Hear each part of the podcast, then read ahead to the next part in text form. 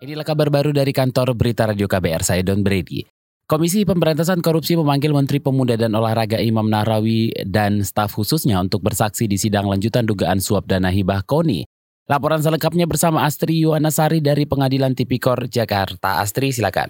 Ya, saudara, hari ini Jaksa Komisi Pemberantasan Korupsi KPK kembali memanggil Menteri Pemuda dan Olahraga Imam Nahrawi dan staf khususnya Miftahul Ulum untuk bersaksi di sidang lanjutan kasus dugaan suap pengurusan dana hibah KONI. Keduanya diminta bersaksi untuk terdakwa Mulyana selaku Deputi 4 Kemenpora. Sampai saat ini saudara sidang belum dimulai dan Menpora Imam Nahrawi serta Miftahul Ulum juga belum terlihat hadir di pengadilan. Dalam sidang hari ini, mereka akan dimintai keterangan terkait suap yang diterima tiga pejabat Kemenpora. Dalam dakwaan, Mulyana disebut menerima uang senilai 400 juta rupiah dan mobil Fortuner dari Sekjen Koni Ending Fuad Hamidi. Pemberian suap itu dimaksudkan untuk mempercepat proses pencairan dana hibah yang diajukan Koni ke, ke Kemenpora. Selain Mulyana, staf Kemenpora Adi Purnomo dan Eko Trianta didakwa menerima suap 215 juta rupiah dari Ending Fuad Hamidi. Perbuatan pemberian suap yang dilakukan Hamidi bersama-sama dengan bendahara KONI, Joni E. Awui. Keduanya terbukti bersalah memberikan suap kepada sejumlah pejabat di Kemenpora. Pejabat Kemenpora itu adalah Deputi 4 Kemenpora Mulyana, serta dua staf Kemenpora Adi Purnomo dan Eko Trianta. Dari, dari pengadilan Tipikor Jakarta Pusat, Astri Yuwanasari melaporkan untuk KBR.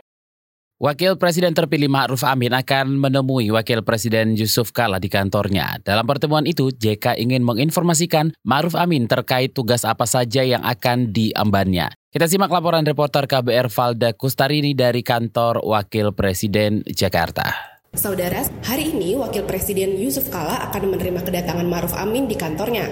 JK ingin memperkenalkan Maruf sebagai Wakil Presiden terpilih periode 2019-2024 terkait tugas yang akan diembannya. Selain Wakil Presiden, staf-staf ahli Wapres juga akan ikut mendampingi dalam pertemuan kedua tokoh tersebut.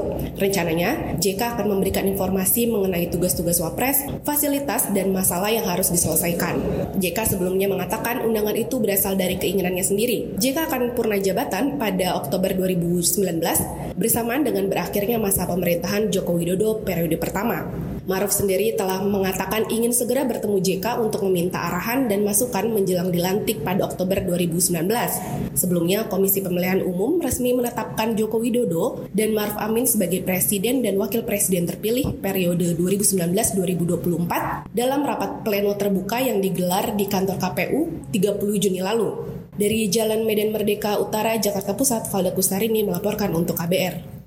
Saudara sebagian besar anggota Dewan Perwakilan Rakyat DPR Aceh akan melakukan kunjungan kerja ke luar negeri menjelang berakhirnya masa jabatan tahun ini. Koordinator Masyarakat Transparansi Aceh atau MATA, Alfian Hussein menilai kunjungan kerja para anggota Dewan tersebut tidak memiliki tujuan dan berkesan pemborosan anggaran kunjungan-kunjungan ke luar negeri ini kalau dari uh, pandangan kita yang pertama kan uh, uh, fakta selama kan tidak bisa memberikan kontribusi uh, apa yang akan mau dilakukan di Aceh setelah mereka pulang dari sana. Koordinator Masyarakat Transparansi Aceh atau Mata Alfian Hussein mengatakan pelesiran anggota DPRD Aceh ke luar negeri ini mengakibatkan terbengkalainya sejumlah rancangan kanun atau peraturan daerah di Aceh di tingkat legislatif. Alfian menegaskan pembahasan rancangan aturan prioritas 2019 yang mestinya disahkan pada awal tahun terlantar dan terancam tak dapat disahkan. Facebook mengumumkan rangkaian layanan media sosial miliknya seperti Facebook, Instagram, dan WhatsApp telah pulih. Pulihnya layanan media sosial ini diumumkan lewat akun Twitter resmi Facebook dan Instagram. Rabu malam, pengguna aplikasi WhatsApp, Instagram, dan Facebook di sejumlah negara mengeluhkan belum dapat mengakses layanan seperti foto, video, atau pesan suara di media sosial tersebut dengan sempurna. Tagar Facebook, Instagram, dan WhatsApp down juga menggema di Twitter. Demikian kabar baru dari kantor Berita Radio KBR. Saya Don Brady.